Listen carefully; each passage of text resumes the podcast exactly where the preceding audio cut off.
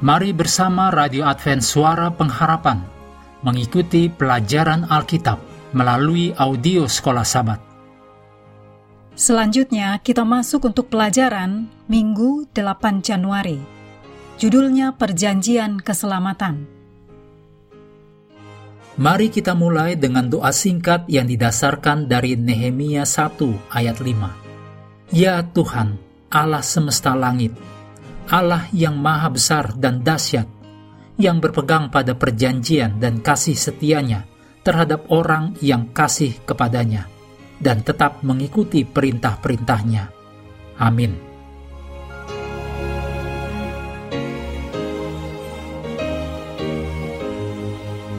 Kematian Kristus di Kalvari membuat keselamatan menjadi mungkin bagi setiap orang yang pernah hidup atau yang akan hidup. Tidak seperti janji mengenai musim, keselamatan itu tidak secara satu pihak saja.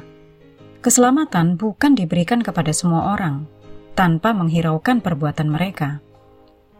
Keyakinan bahwa semua orang akan diselamatkan disebut universalism. Yesus dengan jelas mengajarkan bahwa meskipun ia mati untuk umat manusia, banyak orang yang berjalan kepada kehancuran dan kematian kekal Demikian dituliskan dalam Matius 7 ayat 13 dan 14. Bagaimana manusia menerima keselamatan di dalam Yesus? 1 Yohanes 5 ayat 13 menuliskan, Kamu yang percaya kepada nama anak Allah, tahu bahwa kamu memiliki hidup yang kekal. Dalam Matius 10 ayat 22, orang yang bertahan sampai pada kesudahannya akan selamat. Dalam Yohanes 6 ayat 29, Inilah pekerjaan yang dikehendaki Allah, yaitu hendaklah kamu percaya kepada Dia yang telah diutus Allah. 2 Petrus 1 ayat 10 dan 11 Karena itu saudara-saudaraku, berusahalah sungguh-sungguh, supaya panggilan dan pilihanmu makin teguh. Sebab jikalau kamu melakukannya, kamu tidak akan pernah tersandung. Dengan demikian, kepada kamu akan dikaruniakan hak penuh untuk memasuki kerajaan kekal, yaitu kerajaan Tuhan dan Juru Selamat kita, Yesus Kristus.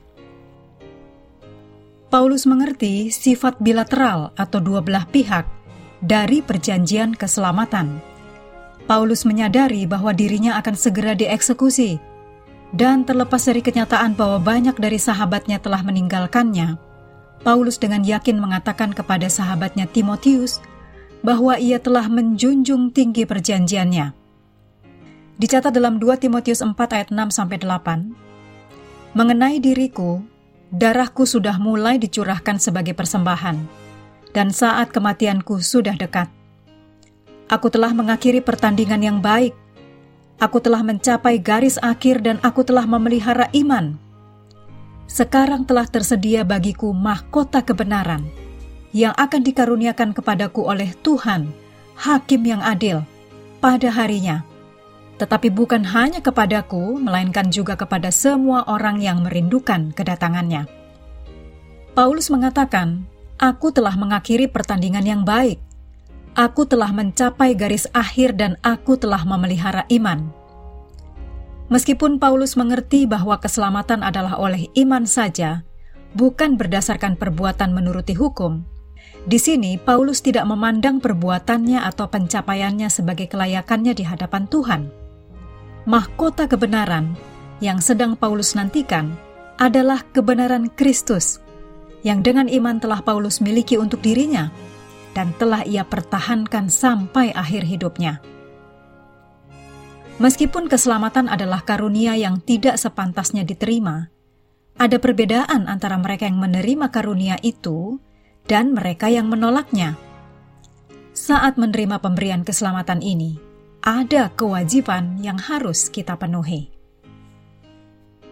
Mengakhiri pelajaran ini, mari kembali ke ayat hafalan kita dalam ulangan 28 ayat 1 dan 2. Jika, engkau baik-baik mendengarkan suara Tuhan Allahmu dan melakukan dengan setia segala perintahnya, yang kusampaikan kepadamu pada hari ini, maka Tuhan Allahmu akan mengangkat engkau di atas segala bangsa di bumi, dan segala berkat ini akan datang kepadamu dan menjadi bagianmu, jika, engkau mendengarkan suara Tuhan Allahmu.